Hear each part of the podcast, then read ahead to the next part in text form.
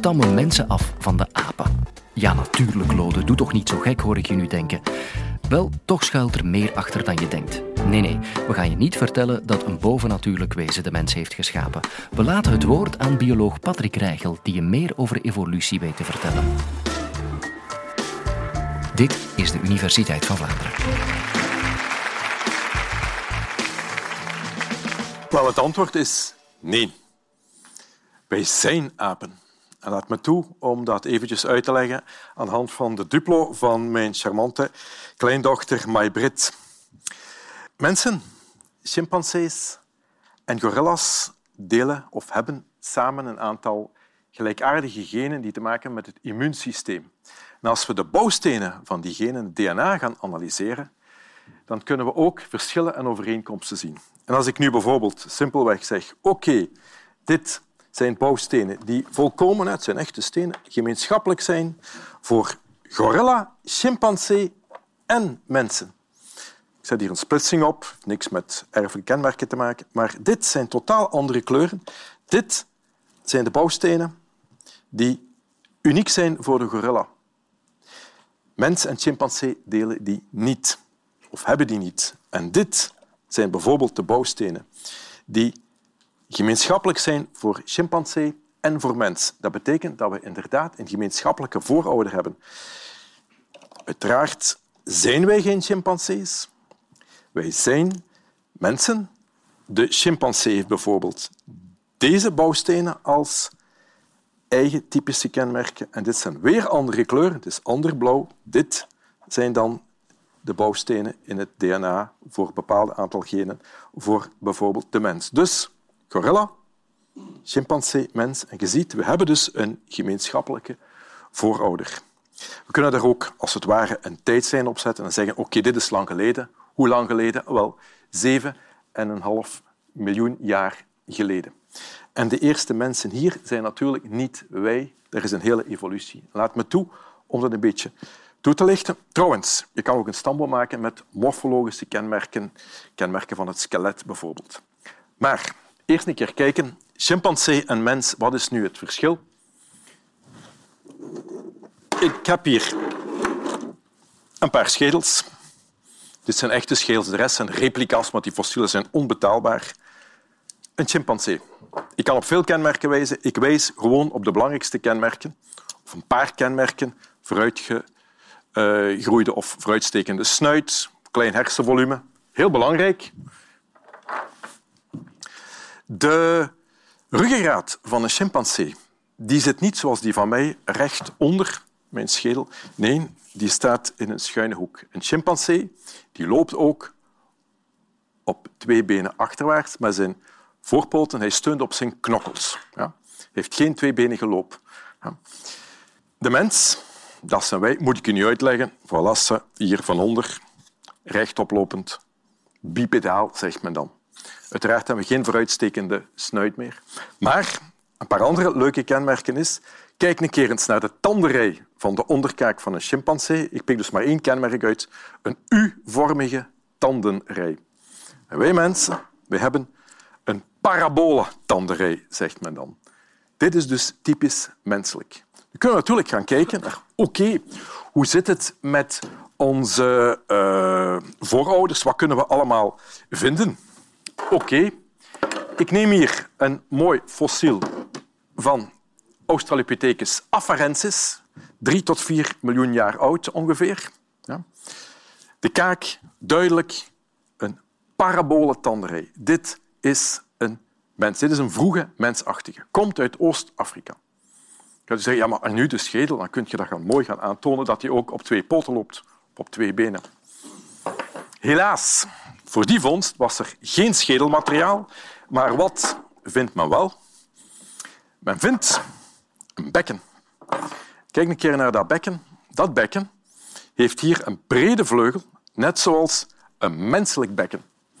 Als je mij niet gelooft, dit is een menselijk bekken. Je ziet ongeveer de overeenkomst. Ja?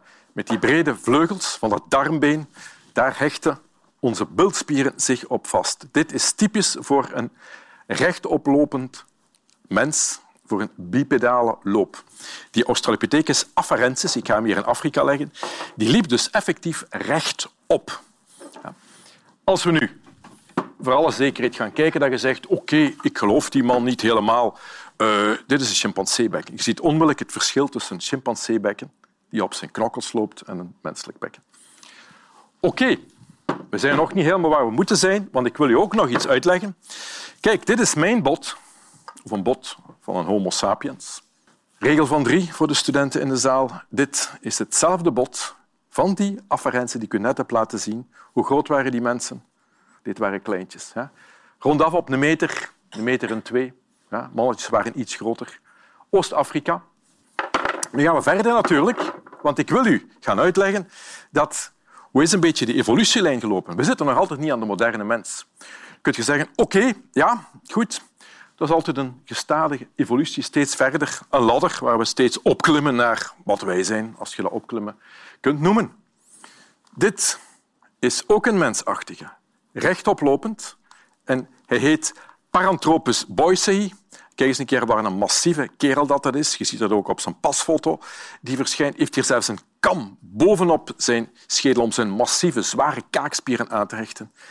Ik haal dit naar boven om te zeggen, dit is, op zich leefden er meerdere mensensoorten naast elkaar in Afrika. Dit is zo'n mensensoort die tot niets heeft geleid, als ik het zo mag uitdrukken. Ik ga die hier ook in Afrika leggen. Wat heeft dan wel geleid tot ons, hoogstwaarschijnlijk, hier de Homo ergaster. Dan zijn we iets jonger, 1,7 miljoen jaar. Die Homo ergaster, ik hou die doelbewust op deze hoogte. Dit waren grote mensen. Mensen van een meter 75. Loopmachines, letterlijk en figuurlijk. Als ik zeg letterlijk, daarmee bedoel ik dat die eigenlijk Afrika voor een stuk verlaten hebben. Ik moet zeggen, een deel van de populaties van deze mensachtigen hebben Afrika verlaten. Een deel is in Afrika gebleven. Die hebben Afrika verlaten via onder andere het Middellandse Zeegebied en zijn dan Europa en Azië binnengetrokken. Natuurlijk zijn die ook daar verder geëvolueerd. En de evolutie, ik leg hem dus hier ook in Afrika, de evolutie daarvan, die leidt tot iets wat jullie waarschijnlijk al van gehoord hebben. Dit is Homo heidelbergensis. Homo heidelbergensis die is ongeveer ja, 300 tot 500.000 jaar oud. En die is in Europa ontstaan als nazaat van die ergaster die Europa heeft bevolkt.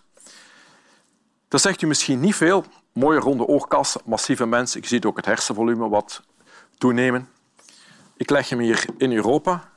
Maar de nazaten van die Homo heidelbergensis die kent je gegarandeerd.